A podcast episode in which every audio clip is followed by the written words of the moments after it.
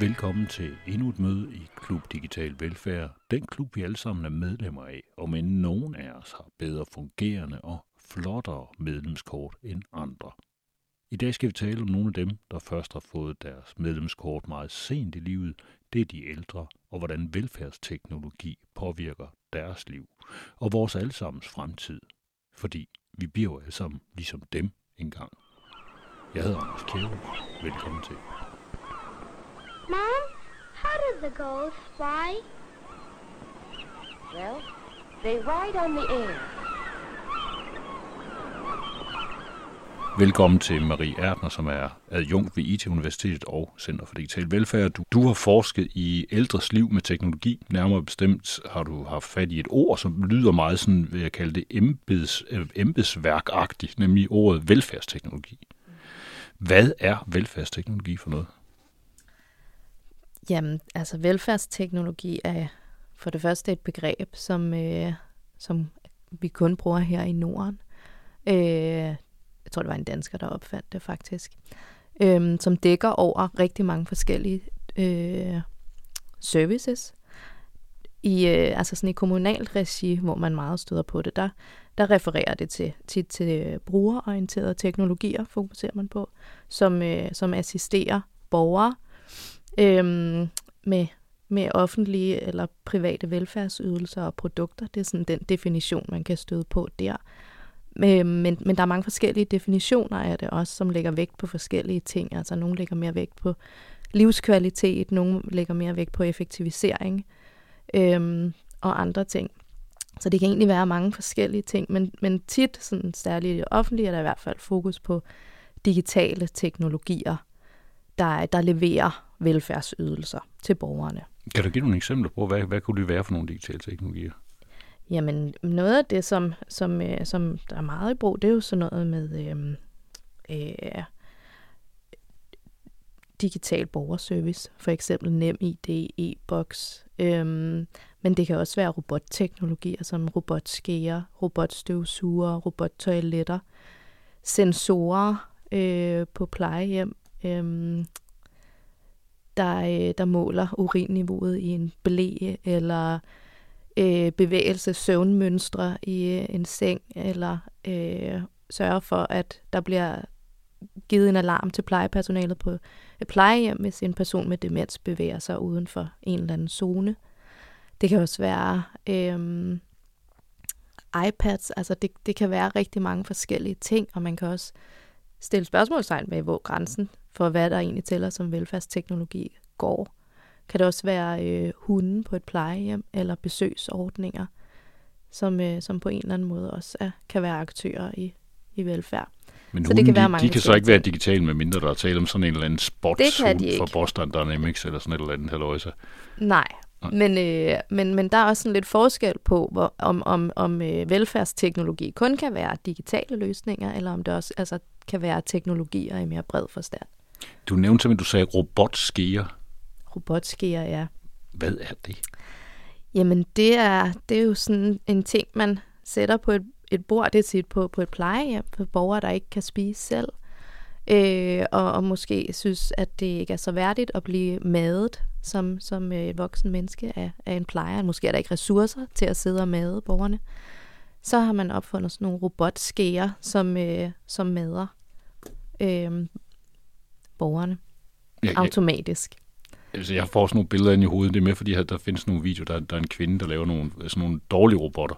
Ja. Øh, som er sådan en, hvor, hvor det går meget galt med sådan nogle der. For jeg kan godt forestille mig, at lige præcis det der med at få mad ind i munden er jo en, en dybt kompliceret proces. Ja. Altså, jeg ved ikke, er det noget, du har været længere ind i? Jeg har ikke, jeg har ikke set dem i brug, faktisk. Øhm, så jeg ved ikke, jeg, jeg tror, det har været, jeg, jeg tror, det har været svært øh, at få dem til at fungere. Også sådan noget med at at få den rette mængde op fra skeen og ind i munden. Altså den der navigation kan være ret svær. Men jeg har ikke set det i brug, så jeg, det, det, det ved jeg ikke. Det, må se. det kan være, at vi selv kommer til at blive udsat for det på et eller andet tidspunkt, fordi kan man med nogen ret sige, at jo ældre vi bliver, des mere velfærdsteknologi, så kommer vi til at møde øh, mere velfærdsteknologi, og jo mere af den her bliver vi afhængige af den, kan man sige det. Jo ældre vi bliver, jo mere får vi af det. Altså sådan generelt kan man jo sige, at digitale teknologier bliver en større og større del af vores allesammens liv, uafhængigt af alder. Øhm, og det er jo ikke en udvikling, der ser ud til at stoppe. Så, øh, så øh, også på ældreområdet kommer der meget mere fokus på, hvad vi kan med teknologier. Øhm, så det, bliver, det kommer til at blive en større og større del af, af det at være ældre og skulle forholde sig til velfærdsteknologier og øhm, have dem i sit eget private hjem, eller, øh, eller når man skal, hvis man skal på plejehjem, kommer det til at være mere. Noget, der fylder mere og mere. Det er simpelthen blevet en, øh, hvad kan man kalde det, en teknologisk affære at blive gammel. Det fylder rigtig meget. Altså hvis man kigger på, øh, på aldringspolicy, så fylder velfærdsteknologi rigtig, rigtig meget. Øh, og hele, altså øh, innovationsaspektet øh, er, en, er noget, der bliver satset rigtig meget på at udvikle nye teknologier, implementere nye teknologier, fylder rigtig meget. Øh, så der er jo meget den her idé om, at der er en krise øh, inden for ældrepleje og, og sundhedsområdet i det hele taget. Øh, at der er der kommer flere og flere ældre, og der er færre og færre hænder til at tage sig af dem, så vi bliver nødt til ligesom at innovere vores måder at yde velfærd og ældrepleje på. Og, øh, og, og i, i det her, det her narrativ, der er teknologi øh, meget ofte løsningen på det problem. Så det er noget, der er rigtig meget fokus på politisk, øh, det det, og der kommer mere og mere det, også i praksis. Det var det, man kaldte for, jeg tror, det hed ældrebyrden, kom man til at kalde det på et tidspunkt. Det er mm. så blevet omdøbt nogle gange, fordi det lyder så grimt, det der med ældrebyrde. Men i hvert fald har du, har du ret i, at det, der i hvert fald bliver sagt omkring i kommuner og regioner nu, det er, at vi har ikke råd til at kunne blive ved med det her, og vi kan ikke engang skaffe ansatte nok, og derfor mm. er vi mm. nødt til at gå teknologisk til værks. Mm. Ja. Og, det er så, der er så også, ja, som du siger, ældrebyrde og andre negative stereotyper. Der er også fundet altså sådan mere positive måder at, og også at se på ældres kapaciteter og sådan nogle øh, idéer som aktiv aldring, som er sådan helt centralt policybegreb i EU og WHO, er jo også noget, der prøver at, at have en positiv tilgang, men, men, øh, men mange idéerne er stadig de samme omkring, at vi skal, vi skal lave noget innovation, og vi skal have nogle helt andre måder at, at løse de her øh, ældreplejeopgaver på. Og det her aktive aldring, hvad, går, hvad, hvad handler det om? Altså, det lyder som sådan noget med, at folk, altså i gamle dage ville det være noget med, at man ligesom skulle køre rundt på cykel og sådan noget så længe som muligt, og være, være glad og synge lidt og sådan noget. Jeg ved ikke hvad, sådan nogle af den slags ting, men det er ikke, ligesom ikke det, det går ud på, som jeg forstår det. Øh, aktiv aldring er igen et, et sådan rimelig komplekst øh, policybegreb. Altså i EU og, og WHO, hvor det, hvor det var et ret stort øh, Øh, begreb fra siden fra slutningen af 90'erne, og egentlig og stadig er det. Det har bare været her ret længe nu. Øhm, det handler rigtig meget om øh, sundhed, deltagelse i, i det offentlige, og at blive længere tid på arbejdsmarkedet, at være involveret i, i øh, frivillighed og holde sig i gang. Så der er meget fokus på det her med individets ansvar for at holde sig i gang og bidrage til samfundet og være aktiv. Øhm, ja. Noget af det, du har, øh, som din forskning viser, eller hvad, noget af det, du har, har været ude og udtale om, det er, at du mener, at, at der, problemet er, at der er jo nogle af de her ældre mennesker, som ikke er så gode til teknologi. Mm. Øh, og det medfører det, som du kalder for en digital marginalisering. Hvad, hvad vil det sige? Øhm, jamen, det er der jo flere forskere her på ITU, der har, der har kigget rigtig meget på. Øhm, det er jo for eksempel noget, man ser rigtig meget i forhold til digitalisering af det offentlige, altså hvor at øh, hele borgerservice øh, er, er blevet digitaliseret, og borgere, der, der ikke er digitale, har ikke rigtig nogen muligheder for at få adgang til de her services. Så er det jo en, en, en marginalisering eller en ekskludering, kan man sige, for det offentlige, når man ikke har mulighed for at øh, læse sin sin post for eksempel, eller skal skrive under på, at man ikke har kapaciteten til at være digital, som man skal for at blive undtaget fra digital post. Øhm, så rykker man ned i rangstigen, kan man sige. Som, så, så er man et, et, en menneske, der ikke rigtig kan finde ud af tingene, så bliver man mm. infantiliseret, kan man mm. sige. Man har ikke ret til at... Og, hvis du ikke, fordi du ikke kan finde ud af det her, så er du nødt til, så, så er vi nødt til at skrive under her, så skal vi finde ud af det for dig. Ja, præcis. Så der er marginalisering på forskellige måder. Dels det, at man, at man simpelthen ikke har adgang til det. Øh, til, der er nogle services, man, man, man ikke kan få gavn af. Øh, men også hele det, du siger, identitet, identiteten i øh, ikke at kunne og ikke at kunne være digital, og ikke at leve op til de idealer, som, øh, som kommer med den her øgede digitalisering. Idealer om, hvad, der, hvad er den gode borger, som jo er en digital borger nu. I, dag, i dag. Mm. Sådan er det. Vi er også lige blevet europamester i digitalisering i dag, mens mm. vi sidder og taler sammen, kunne jeg se, at der er kommet en rapport ud fra EU, der siger, at Danmark er verdens bedste til, eller Europas bedste til at digitalisere. Er vi så kun er nummer 17 på cybersikkerhedsområdet? Øh, det er sådan en anden snak. Vi ligger lige under Kazakhstan, kan jeg oplyse om ved det her sammenhæng. Så det, det, går, det skal jo gå lidt hurtigt. Øh, noget af det, som øh, du også har beskæftiget dig med, det er, at du har talt om, at sådan noget som velfærdsteknologi, det medfører det, som du kalder en opmærksomhedsforskydning. Mm. Øh, kan du give nogle eksempler på, hvad, hvad det er for noget, hvad vil det sige? Altså man har jo til den her idé om, at teknologier er, kan automatisere øh, arbejdspraksiser, for eksempel. Og så når man bruger teknologi, så, så sker tingene bare automatisk. Men det ved vi jo godt, at sådan er det faktisk meget ofte, eller nærmest altid ikke. Fordi der skal en hel masse arbejde til at få de her teknologier til at virke efter hensigten. Både sådan noget vedligeholdelsesarbejde, men, øh, men også sådan noget som for eksempel, når vi har alle de her alarmer på et plejehjem, for eksempel, så skal der jo noget plejepersonal til at reagere på alarmerne, til at, at analysere den data, der kommer inden fra, øh, fra, fra borgernes øh, senge, eller deres blæer, eller hvor det nu er, der bliver indsamlet data, og, og, øh, og kommer de her alarmer. Så, så, øh, så man, kan, man kan sige, at der, der er en masse af personalets opmærksomhed, der kommer til at gå til nogle andre ting end kontakten med den individuelle borger. Så der er mere, hvad skal man sige, de bruger um, mere tid på at kigge på en skærm, end på at kigge på de gamle? I nogle tilfælde, der vil det være en konsekvens, ja det her med, altså hele den her måde, når, når vi snakker øh, teknologi og ældre, så er der jo en række interesser på spil her. Altså borgerne vil gerne have det godt, de ældre borgere, og kommuner og regioner, de øh, vil sikkert også gerne sørge for, at borgerne har det godt, men de vil også rigtig gerne spare nogle penge og noget personale. De her to forskellige udgangspunkter, giver det anledning til øh, konflikter derude, den måde, som vi kører velfærdsteknologi på i dag? Hmm. Det gør det i flere tilfælde. Altså jeg vil sige, der er ikke noget, der er ikke noget entydigt bud på, hvad det er, borgerne vil have, og hvad det er, øh, kommunerne vil have. Så, sådan kan man ikke altid stille det op. Øhm, og mange gange, altså velfærdsteknologi er jo ikke noget, som, som borgerne nødvendigvis ikke vil have. Det kan tit være en, en rigtig væsentlig aktør i ældrepleje, det kan være forbundet med, med værdighed og livskvalitet. Men, øh, men der er også tilfælde, hvor, at, hvor der opstår de her clashes mellem hvad der egentlig bliver oplevet som, som god velfærd og god omsorg og tryghed øh, i forhold til velfærdsteknologi og, og de her ønsker om at, at effektivisere arbejdspraksiser. Er det noget, som, altså, kan du, har du nogle konkrete eksempler på, hvor, det, hvor man ligesom, ligesom udspiller sig? Jamen, for eksempel har jeg fulgt med i et projekt, hvor at man gerne ville øh, lære ældre at bruge iPads, øh, specifikt med fokus på at, at lære dem for eksempel sådan noget som online shopping.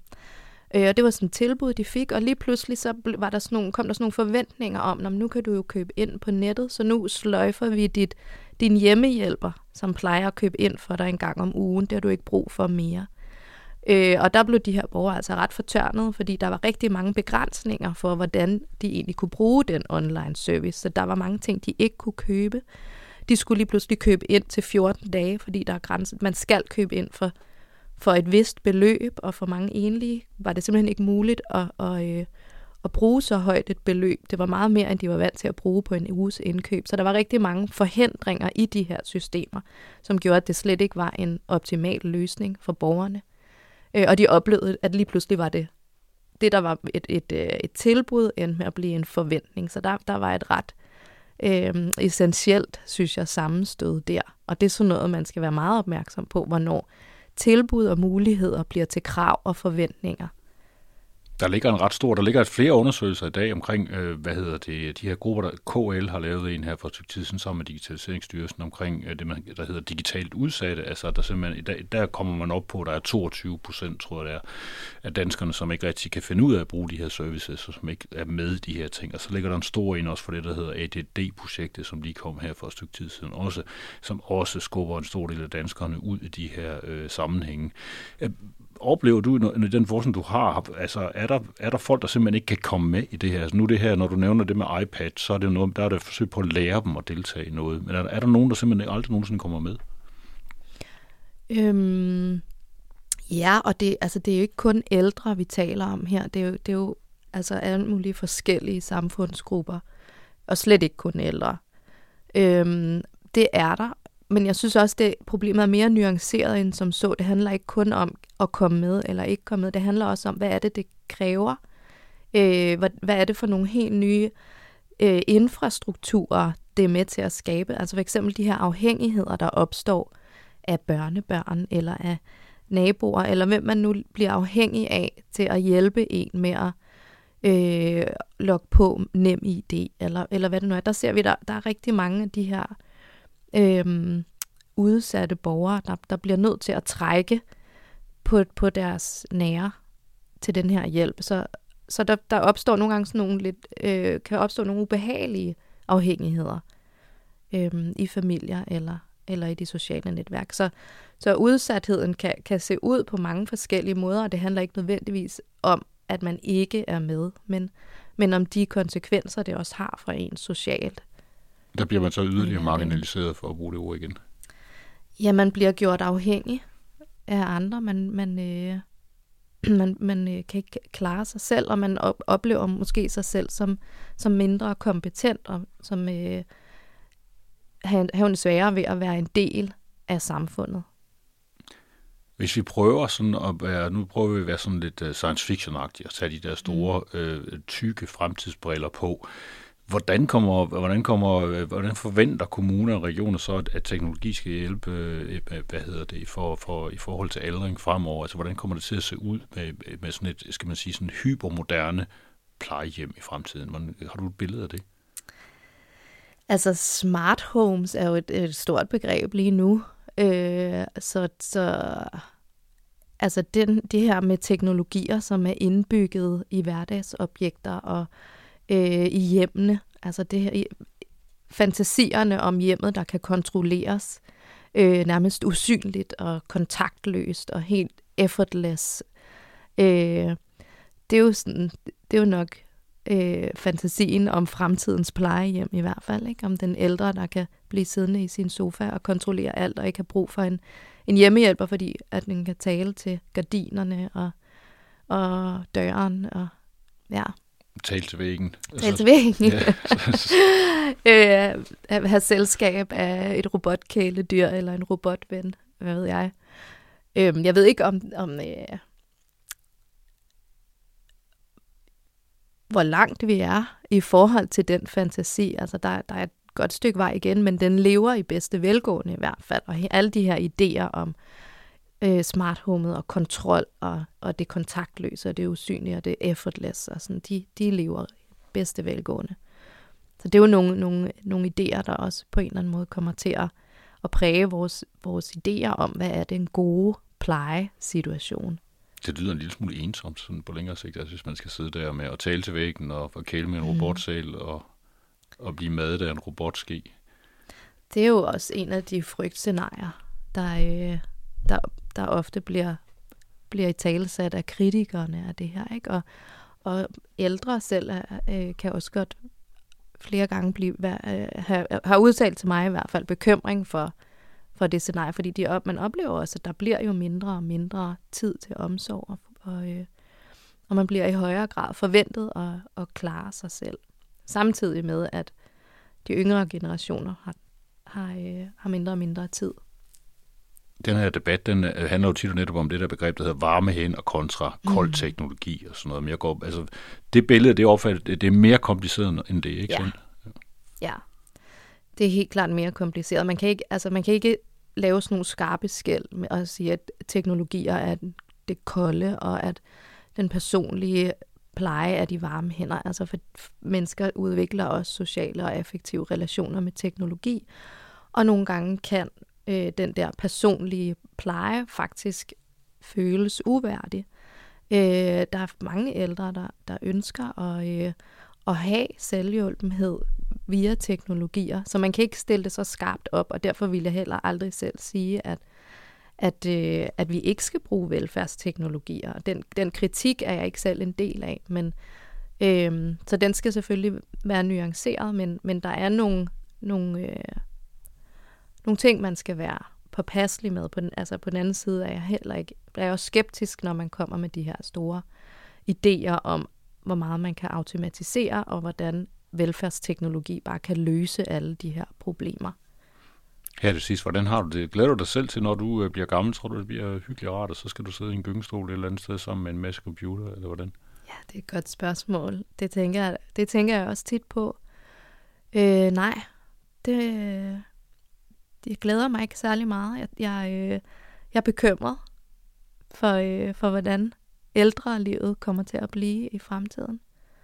Øhm, jeg synes ikke altid, det jeg ser, øh, er et drømmebillede.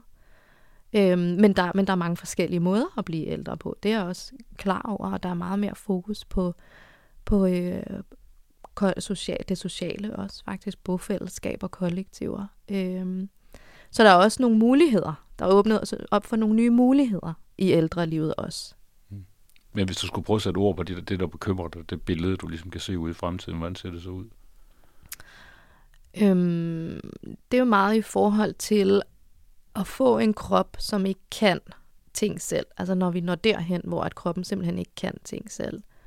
Øh, eller øh, sådan det, det kognitive ikke kan, kan det, det skal for at være med. For eksempel med nye teknologier, der kommer. Nye forventninger om, hvad man skal holde sig opdateret med, og hvor man skal logge ind og være aktiv øh, digitalt. Øh, hvad så, hvis der ikke er mennesker til at, til at hjælpe, og man er overladt til sig selv med manualer og, øh, og, og teknologier, som ikke virker, går i stykker, og altså, det, det kender vi jo alle sammen allerede nu. Øh, jeg kan da tit føle mig hjælpeløs i forhold til teknologi og magtesløs. Øh, og det, det, kan, det kan jeg kun forestille mig vil være endnu sværere, når, når det er en hel krop og et virke og en hverdag, der bliver afhængige af de her teknologier. Så det kan jeg da godt frygte. Vi skal logge ind med NemID, og vi skal tale med en chatbot ja. og få hjælp. Det skal nok blive sjovt. Uh, tak til Marie Erdner, som er adjunkt ved IT-universitetet og Center for Digital Velfærd. What you doing with the oranges? I'm fixing dinner. The old-fashioned way? Mm-hmm. The old-fashioned way. Velkommen til min næste gæst, som er Louise Kampjær Sjæl, fra, som er seniorkonsulent ved Ældresagen. Kan du fortælle lidt om, hvad laver du egentlig til daglig? Altså, hvad, hvad består dit job i? Jamen, jeg har øh, ansvaret for vores politik på det, der hedder digitalisering i samfundet. Det, der fylder rigtig meget for mig lige nu, det er det digitale borgerskab er nok sådan den måde, vi kan kort opsummere det på. Det handler om, hvordan man lever et liv i et samfund, hvor at samfundet bliver tiltagende digitaliseret. Og i dag, jeg kan så fortælle dig, at lige præcis den dag, hvor vi sidder her, det er en torsdag, der er vi blevet europamestre i digitalisering nu. Vi har været FN-verdensmester verdensmester også før, så der er simpelthen nærmest ikke nogen grænse for, hvor godt det går med det. Øh, så, men noget af det, vi skal tale om, det er, at der jo bliver talt rigtig meget om den ældre generation som dem, der hele tiden halter bagud øh, i forhold til den her digitalisering.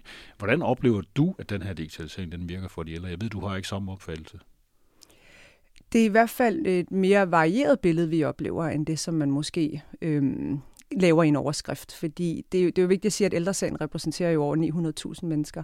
Og det betyder jo, at vi sådan set også dækker det fulde spektrum af, af ældre, der, øhm, der er i berøring med det digitale, eller som ikke er i berøring med det digitale. Fordi vores erfaring er, at vi jo har rigtig mange øh, ældre, og der kommer flere og flere med på det, vi kan kalde den digitale vogn. Øhm, men vi har også et segment af ældre i samfundet, som enten har meget svært ved det digitale, og vi har også stadig nogen, som slet ikke er i berøring med det digitale univers.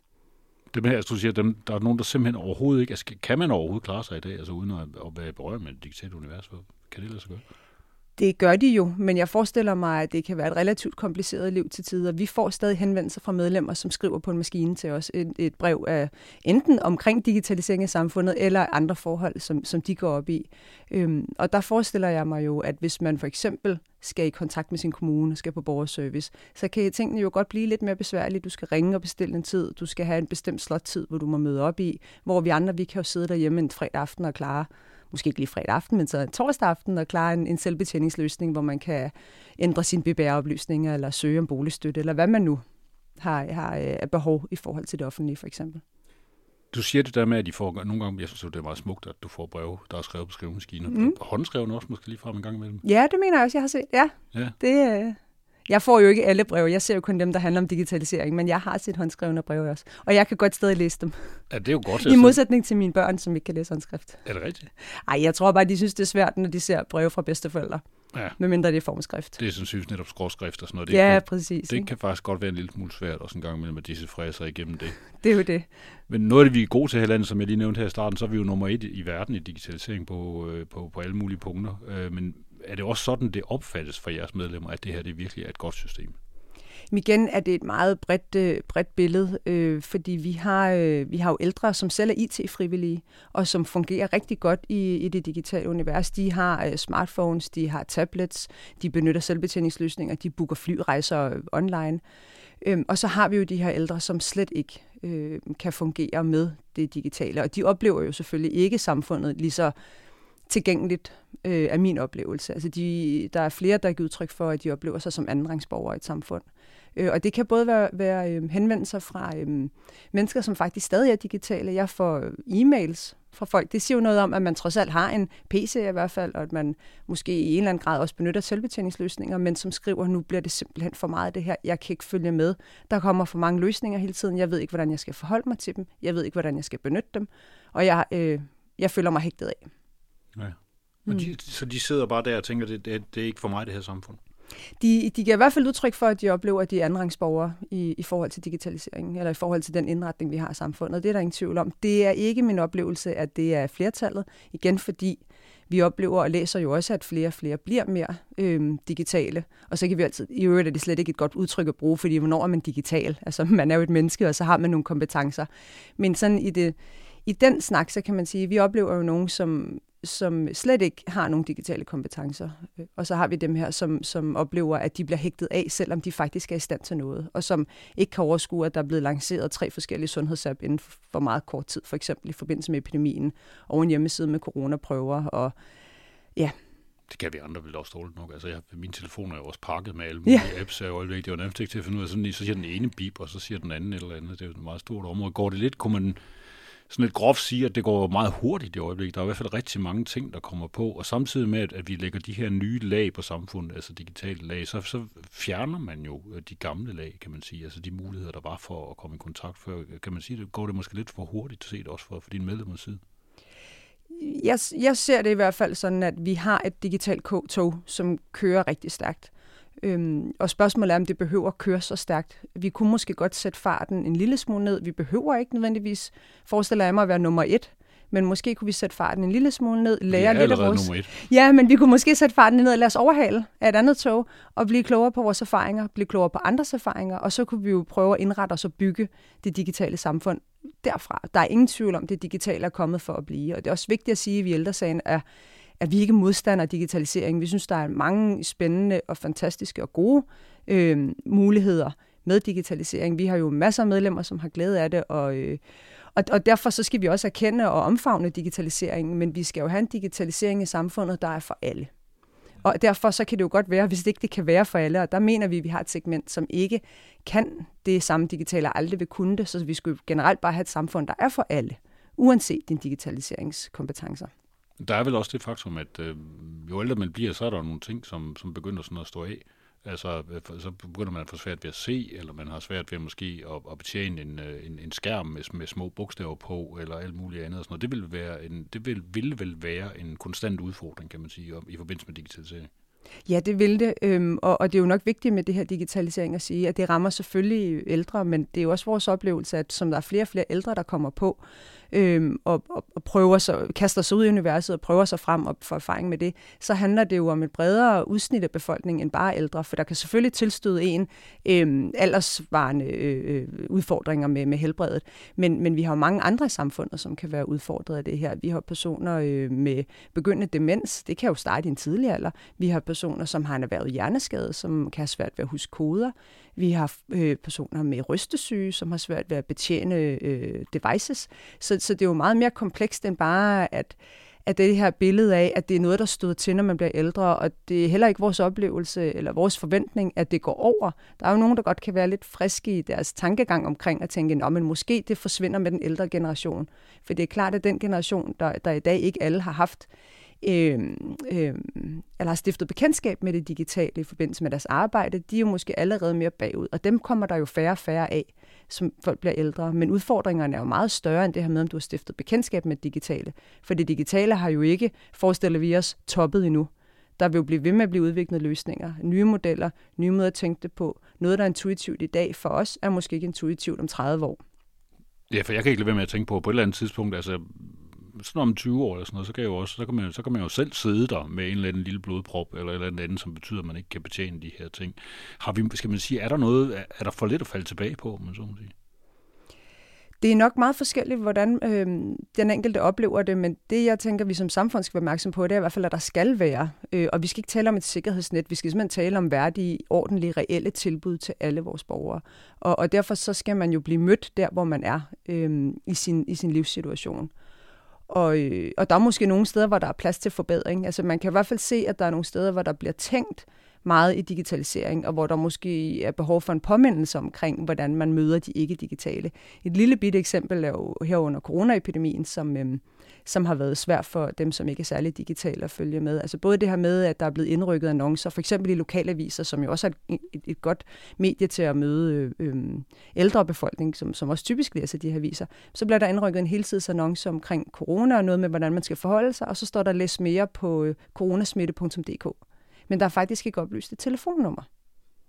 Øhm, og det kan jo så også være helt ud komplekst. Det er nu altså helt tilfældigt. I morges står jeg til test med min søn, fordi han har, de har corona på skolen, og han er nærkontakt.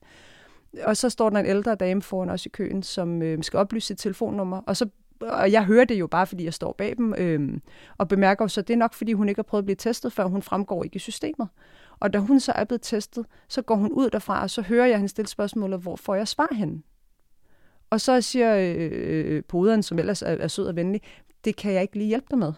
Og så er det faktisk mig, som kender til systemet, fordi vi jo selvfølgelig har haft meget berøring med det gennem ældresagen, der lige prikker hende på skulderen og siger, at du skal, du skal ringe til din egen læge, så får du et svar i morgen. Fordi hun har jo ingen idé om, hvordan hun angriber et samfund, hvor det hele kører digitalt. Hun har jo selvfølgelig også fået hjælp til at booke den her test. Øhm, fordi det, det, det forestiller jeg mig i hvert fald. Det lyder ikke som en, som selv har været inde og klare det på nettet, når man ikke ved, hvordan man finder testsvaret. Og der går det jo nogle gange rigtig stærkt med de løsninger, vi udvikler, hvor man kan sige, der er som minimum et, et informationsbehov, som vi skal tænke meget over, hvordan vi møder vores, borgere, vores medborgere i. En del af den her digitalisering, den handler blandt andet også om vores penge. Altså vi skal bruge dankort, mm. vi skal bruge, øh, gå på netbank og sådan noget. Men jeg ved, at for, for mange ældre, der bliver der stadigvæk, der, der er det kontanter, der stadigvæk er mm. konkrete. Øh, det er blevet meget vanskeligere at have med at gøre. Det er noget, I hører noget til ind i ældresagen. Det er det. Det får vi henvendelser på. Vi får øh, henvendelser fra øh, personer, som er dybt frustrerede over, at adgangen til deres øh, lokale øh, afdeling med kontanter er blevet lukket, og at de får meget langt til banken. Og det er jo øh, igen henvendelser, der går på tværs af alder faktisk. Altså, jeg har jo også stødt på eksempler på mennesker med en erhvervet hjerneskade, der ikke kan huske en kode, eller som øh, kan have svært ved at styre et dankort, fordi det kan gøre, at man har et mindre overblik over sin økonomi. Der er ingen tvivl om, at, øh, at den her udfasning af kontanter, som nogen ønsker, den er ikke engang, det er ikke engang bare vej, som så vi ser det. Der skal være et alternativ til det, til det digitale. Og det handler om rigtig mange forskellige billeder. Det handler om øhm, de personer, som godt vil styre deres økonomi på anden vis end ved kort, fordi de måske ikke er i stand til at administrere det lige så godt. Det handler om, om øh, ældre mennesker, som ikke har en netbank eller har adgang til netbank, som selvfølgelig skal kunne øh, have adgang til de samme muligheder i samfundet som alle vi andre. Øh, det handler jo selvfølgelig også om, om hjemløse, har der også været fokus på her under coronaepidemien. Børn og unge, som skal lære noget omkring, øh, hvad penge er, og hvordan man forholder sig til dem. Det handler også om privatlivet. Det er, når man, man ikke har lyst til at blive overvåget. Det har jo ikke en alder på sig, om man har lyst til at blive øh, sporet i banken på, om man bruger sine penge på en ene eller det andet. Hvis man ikke synes, det kommer nogen ved, så skal man jo selvfølgelig have mulighed for at holde det privat. Så der er mange, mange facetter, der gør, at øh, afvikling kontant er ikke sådan lige til i vores optik, og vi mener slet ikke, det bør, det bør ske. Som situationen er nu, så har bankerne lukket for kontantkasserne, og det vil sige, at øh, jeres medlemmer, de jo så typisk, hvis de skal hæve noget, så skal de ud og stå på gaden. Ja, det skal de. Og det er også en udtryk for utryg for, for nogle personer. Øhm, jeg har hørt om tilfælde med personer, der bliver stoppet på gaden og spurgt, om de vil hjælpe en ældre person med at hæve 2 eller 3.000 fra deres konto. Og der der taler vi om et samfund med høj tillid, når man spørger en medborger, man ikke kender på gaden. Og det er jo dejligt ved at høj tillid, men det er jo en fuldstændig uværdig situation at sætte en, et andet menneske i, at, øh, at man skal bede om hjælp til at hæve penge på sin egen konto. Fra en, der ikke er en bankansat, vel at mærke, og hvor der er et betroet forhold man kunne vel vælge, og man kunne også vælge, hvis man skal bruge billede på situationen, så kan man sige, at selvom vi har opfundet elevatorer, så har vi jo ikke fjernet trapper. Altså, der er jo stadigvæk en, og som regel også en brandtrap et eller andet sted. Altså, man kunne måske Præcis. forestille sig, at det måske ville være et brugbart billede også i forhold til digitalisering, at sige, at vi er nødt til at have en eller anden form for et eller andet sted, hvor, hvor, hvor vi kan klare den, hvis, hvis skærmen går ned, og den ikke virker. Ja, lige præcis. Og jeg tænker også, det handler om, at man siger, jamen alle de øh, fordele, de gevinster, vi har ved digitalisering, som vi har mange af, det er jo ikke sådan, forestiller jeg mig, øh, at man skal sige, jamen fint, så skubber vi det økonomi, den besparelse ind i noget eller andet. Der synes jeg at man skal gå ind og tænke, hvordan forbedrer vi så forholdene for dem, som ikke har gavn af det digitale, så de stadig har samme, kan man sige, bundniveau i forhold til at blive mødt. Øh, men det er vel den store, kan man sige, det er den store konflikt i det moderne samfund i dag, fordi vi vil også gerne, vi skal jo også spare nogle penge, og det skal være mere effektivt, og der bliver flere ældre, siger man hele tiden, og det bliver svært at få passe alle de her mm. mennesker, så de bliver også nødt til at spare, altså at sige, at det skal være billigt, og hvis vi nu vælger en digital løsning, så er den billigere, og derfor så er vi nødt til at afskaffe det andet jeg kan ikke se, at man er nødt til at afskaffe det andet, fordi vi har et sam, øh, som samfund har vi en forpligtelse over for alle vores borgere. Øh, og det er jo selvfølgelig, øh, i, i forhold til det offentlige, er der jo nogle helt klare øh, juridiske forpligtelser, man har i forhold til, at hvis du ikke er i stand til at udfylde en selvbetjenings øh, en formular via en selvbetjeningsløsning, jamen så skal du jo have adgang til noget andet. Så er der nogle ting, dem kan vi ikke spares ud af.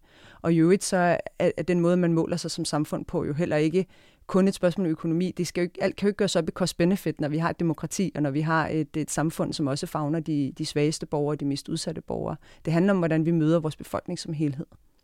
Det kan nogle gange godt virke som om, det siger for egen regning, at man måske går rigeligt meget op i effektivitet her i landet i hvert fald, at det skal være optimeret og effektivt øh, i den her sammenhæng. Der kan der godt komme nogle mennesker i klemme i den, den sammenhæng i hvert fald der kommer jo altid mennesker i klemme, tror jeg, når man øh, tænker nyt. Og, øh, og det skal man jo ikke være bleg for. Det, man skal gøre meget mere ud af, og det, man har glemt i mange år, det er at følge brugerrejsen. Vi skal meget tættere på borgerne, når vi digitaliserer, når vi implementerer nye løsninger. Der skal ligge en, en, en velfunderet research bag det kendskab, vi har til brugerne, når vi lancerer noget nyt. Fordi det er jo den måde, vi finder ud af, hvordan vi servicerer bedst på, og hvordan vi hjælper bedst på. I Ældresagen, der arbejder I jo i samarbejde faktisk med ICU Center for Digital Velfærd. Hvad, hvad bruger I hinanden til?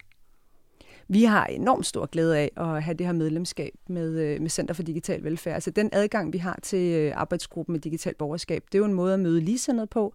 Andre organisationer, som også skal forholde sig til, øh, til udfordringer i samfundet. Og så er det jo en måde at møde forskere på, møde øh, Ph.D.-studerende, alle mulige mennesker, der dyrker digitale fra mange forskellige vinkler, som giver det her facetterede billede af, hvad digitalisering egentlig handler om. Fordi det er jo ikke bare én ting eller én løsning, vi taler om, og kompleksiteterne er enormt store.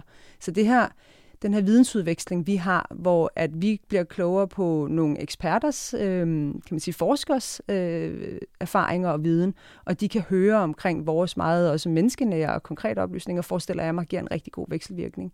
Og, og som jeg også sagde før, det handler om, at vi bliver klogere på brugergrupperne i det her samfund, så alle de muligheder, vi har i samfundet. Både når det handler om os som forening, der samarbejder med en universitet, men selvfølgelig også om Digitaliseringsstyrelsen, når vi samarbejder med dem. Det handler om, at vi skal gøre meget mere for at blive kloge på hinanden og, og hjælpe hinanden med at forstå de kompleksiteter, der ligger bag digitaliseringen, eller i forlængelse af digitaliseringen. Lige her til sidst, jeg kan ikke nærme fordi jeg spurgte min tidligere gæst om det samme. Er du tryg ved selv at blive gammel? Glæder du dig til det, om man så må sige det? Jeg ved godt, det, det, det er måske lidt, lidt bredt, bred formulering på det, men er det sådan, kan du øh, gå tryg ind i alderdommen? Det kan jeg ikke se, jeg ikke skulle. Jeg tænker, at alderdommen er, er en ny fase af livet, som bliver spændende, og nu bruger jeg jo kvæg mit arbejde al min energi på at give nogle gode forudsætninger for de øh, ældre, der er her nu, og for de kommende generationer. Så det kan jeg ikke se, jeg ikke skulle øh, se frem til. Det er nærmest, det er nærmest sit eget ansvar, kan man sige. Nej, det er jo alles ansvar, men vi er, det er jo derfor, vi er her som forening. Vi, vi hjælper jo og, og arbejder jo alle sag. Så det er også, som jeg siger, vi repræsenterer jo 900.000 medlemmer, alt fra den meget digitale til den slet ikke digitale. Øhm, så det er, jo det, det er jo det fulde billede, vi løfter, og vi prøver at forbedre forholdene for. Ja. Mange tak skal du have, mm. Louise Kambjerg Sil, som er seniorkonsulent ved Ældresagen. At the end of the examination period, the computer calculates the amount of exercise necessary to balance Mike's food intake and maintain proper muscle tone. Exercise requirements. Eight and one half minutes bicycle. Six minutes programmed calisthenics. Oh, that's ridiculous. This thing can make a mistake, you know. Det var så, hvad vi kunne proppe ind af et-taller og nuller her i Klub Digital Velfærd i den her uge. Jeg hedder Anders Kjærulf, for jeg minder igen og igen og igen om, at tiden går, og at dem vi lige nu betragter som de gamle, ikke-digitale borgere, der desværre ikke kan følge med, fordi de er gamle, ja, det er som end os selv lige om lidt. Det bliver os, der skal sidde og kigge på en lille bitte skærm og ind i det kamera, hvor der sidder en læge eller en kunstig intelligens i den anden ende, hvis vi er heldige. Til da må det digitale være med dig.